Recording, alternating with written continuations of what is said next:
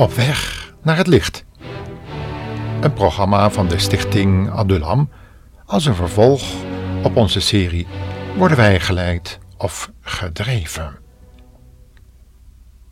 Welkom luisteraar in het vervolg van onze speciale themaprogramma's over de leiding van de Heilige Geest.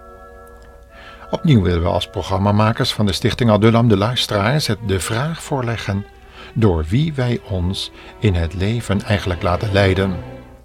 Natuurlijk openen we voor het antwoord op deze belangrijke vraag opnieuw de Bijbel. Want Gods Heilige Geest wil iedere gelovige christen van daaruit leiding geven.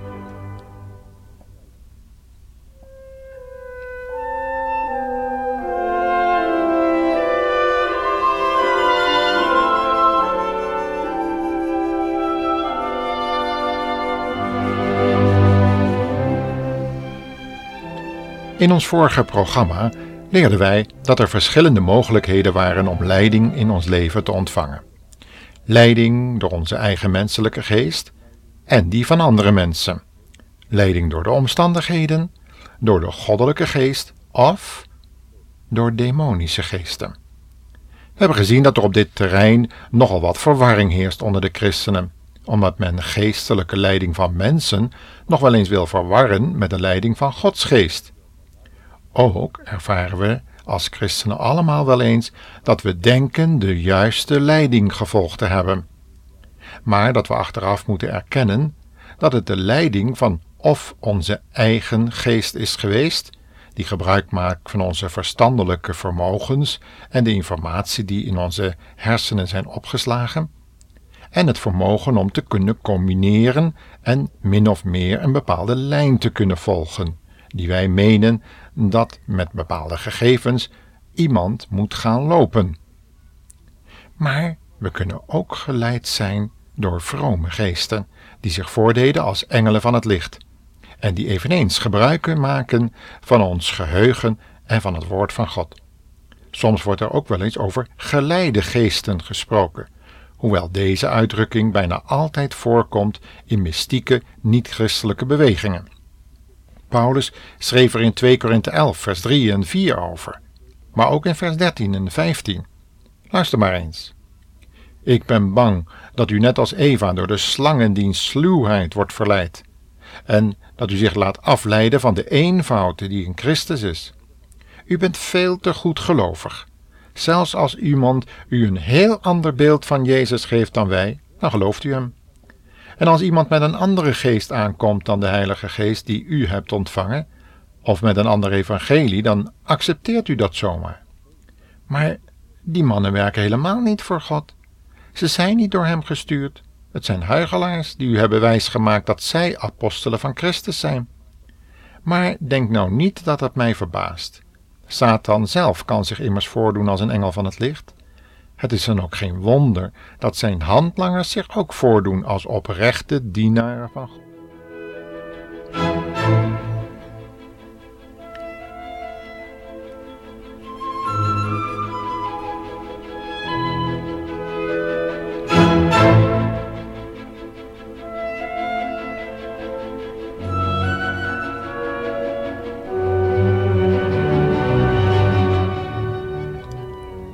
Met enkele voorbeelden te illustreren op welke manier Satan goedgelovige mensen misleidt, zal ik nu een voorbeeld uit de praktijk geven. Alexander Seibel, een Duitse evangelist, heeft ervaring opgedaan met de gevolgen van lichtgelovigheid en geestelijke passiviteit. Hij illustreerde zijn lezing over geestelijke manipulatie met een citaat uit een boek, wat uitgegeven is door een van de grootste spiritistenloges gevestigd in Zurich. Het gaat over het contact met de geestenwereld en de lessen beginnen als volgt.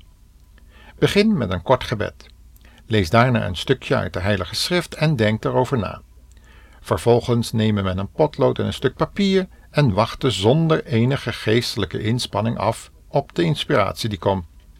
En als u dan aangedreven wordt om ingevingen op te schrijven, die met grote duidelijkheid op uw geest inwerken, schrijf die dan op. En wanneer uw hand als door een vreemde kracht over het papier wordt, wordt bewogen, geeft u dan daaraan over. U ziet wel, luisteraar, alles lijkt heel vroom te beginnen. Maar de passiviteit is opvallend. Terwijl de Heilige Schrift ons door Paulus in 1 Korinthe 14, vers 2 zegt: Broeders, denk niet als kinderen, maar word volwassen in uw denken. Alleen in het kwaad moet u onmondig zijn.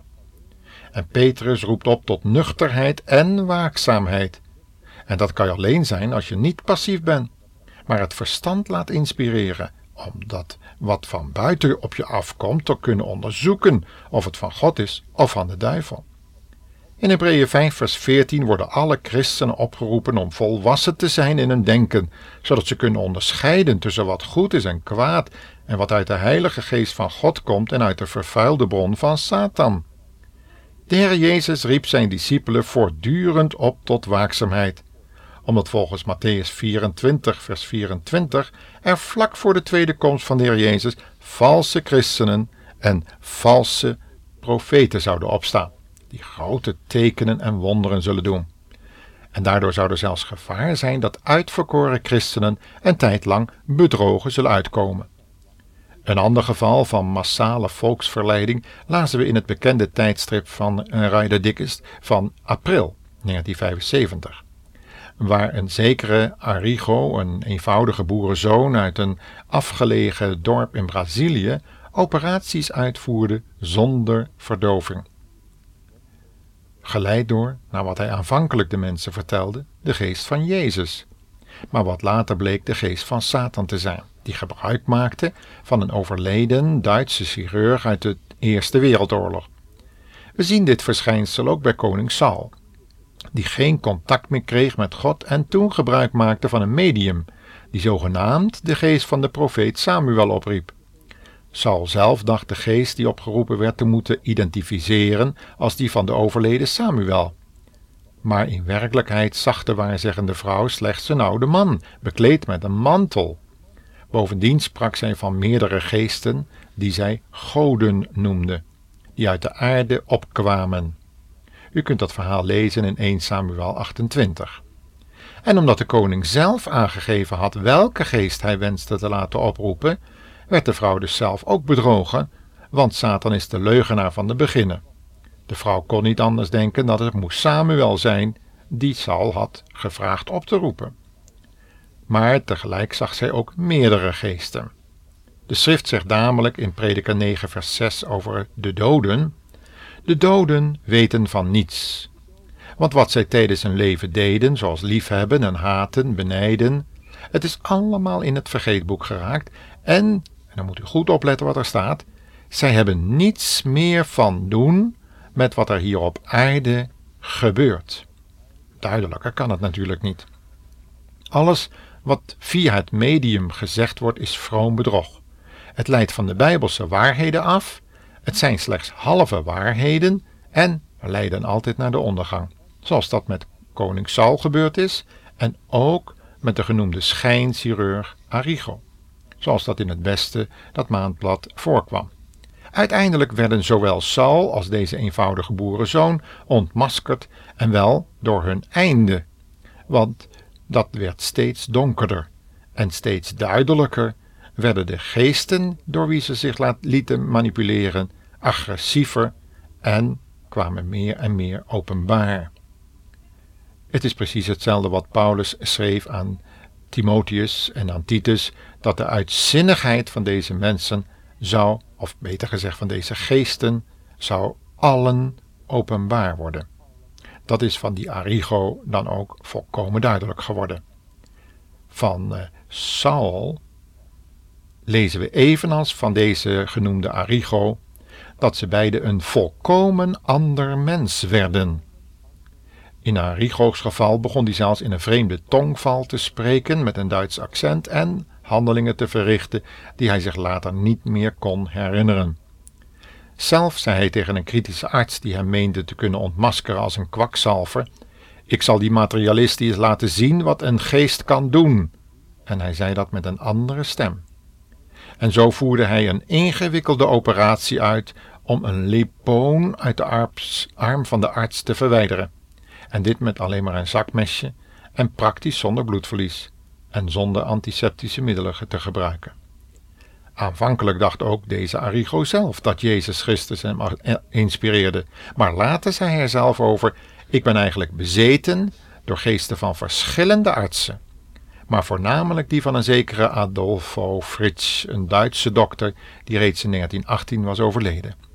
Het is deze dokter die volgens Arrigo een groot deel van de operaties verrichtte en de ingewikkelde recepten dicteerde die ik zo snel moest opschrijven. Hier zien we dus dat dicteren, zoals als je dat helemaal niet voor geleerd hebt en ook de onderwerpen niet hebt bestudeerd, en je moet het toch opschrijven alsof je ze wel bestudeerd hebt, dat dat altijd van de Satan is. Arrigo vertelde ook wanneer hij voor het eerst deze geesten in hem voelde werken. Dat was al vanaf zijn lagere schooltijd in 1927, waarbij hij vaak gehinderd werd door een fel licht, zoals hij later zou vertellen. We zien wel de demonische parallel met Paulus, die eveneens sprak van een licht feller dan de zon, maar wat hij direct duidde als de Heer Jezus Christus, die hem toonde hoeveel hij zou moeten lijden om zijn naams wel. Die geest van Christus leidde dan Paulus ook in het woord, de Bijbel, en niet naar een of andere overleden arts of profeet, zoals bij koning Saul. Ook ervoer aan die Arrigo zo nu en dan gehoorhallucinaties in de vorm van een stem die in een vreemde taal tot mij sprak, zoals hij zei. Ook hier zien we weer de demonische parallel met het talenwonder op de Pinksterdag, waar de apostelen met grote kracht in allerhande wereldtalen de grote daden Gods vertelden. Daarna, na het trouwen van Arrigo, kreeg hij een verontrustende droom waarbij hij zichzelf in een operatiekamer bezig zag en een gezette kale man tegen een aantal andere artsen sprak met een stem die Arrigo later zelf zou produceren tijdens zijn operaties, wanneer hij bezeten werd, zoals hij dat zelf zei. En ook hier zien we opnieuw de demonische parallel met de droom of het visioen van Paulus, waarin hij een Macedonisch man herkende die riep: Kom over en help ons. In het geval van Arrigo zou de boze geest, die gebruik maakte van de genoemde Duitse overleden chirurg, hem tijdens deze nachtelijke ervaringen vertellen dat hij hem uitverkoren had om zijn onafgemaakte werk op aarde voor te zetten, zodat deze geest pas rust zou vinden als Arrigo deze dokter door middel van zijn handen zijn gang zou laten gaan om zieke en gestoorde mensen te helpen. Ook hier zien we de demonische parallel met wat Paulus ervoer bij zijn visioen in de tempel, waarin Jezus hem opdroeg om heen te gaan naar de heidenen. Is het verwonderlijk dat de priester van de kerk waar Enrico door geboorte lid van was, hem vertelde dat hij door spiritistische geesten geleid werd? En dat deze geesten konden gebruik maken van eenvoudige mensen als Enrico had als oorzaak dat Satan eveneens geloof nodig heeft in het bestaan van de absolute werkelijkheid van de geestenwereld. En dat laatste is iets dat ook de Bijbel ons leert, maar er dan vervolgens ook ernstig tegen waarschuwt en oproept tot waakzaamheid en niet tot lichtgelovigheid. Helaas, het branden van wierook en het exorcisme werkte bij Arrigo niet en hij ging door met zijn bedrieglijke handelingen. Velen werden bedrogen door deze antichristelijke geest en er werden schijnbare genezingen waargenomen. Maar Vanaf die tijd stonden de mensen open voor de zoal genoemde geestenwereld. De profeet Jezaja zei er in Jezaja 8 vers 19 tot 22 dit van. Waarom probeert u de toekomst te leren kennen door spiritisme en waarzeggerij? Luister niet naar dat geklets en gemompel. Kunnen de levenden van de doden iets over de toekomst leren? Waarom vraagt u het uw God niet? Vergelijk de woorden en daden van deze waarzeggers en wonderdoeners met het woord van God. Dit zegt God erover. Als hun boodschappen en handelingen van de mijne verschillen, komt dat omdat ik hen niet heb gestuurd. Want er is geen licht of waarheid in het binnenste. Waar zij ook kijken, overal zullen er moeilijkheden, dreiging en een beangstigende duisternis zijn. Beste luisteraar, wanneer we deze woorden op ons in laten werken, ja, dan moeten we wel ons gewaarschuwd weten. Daar zijn deze programma's dan ook voor. Laten we nuchter zijn en waakzaam, vooral in deze tijd. God zegene u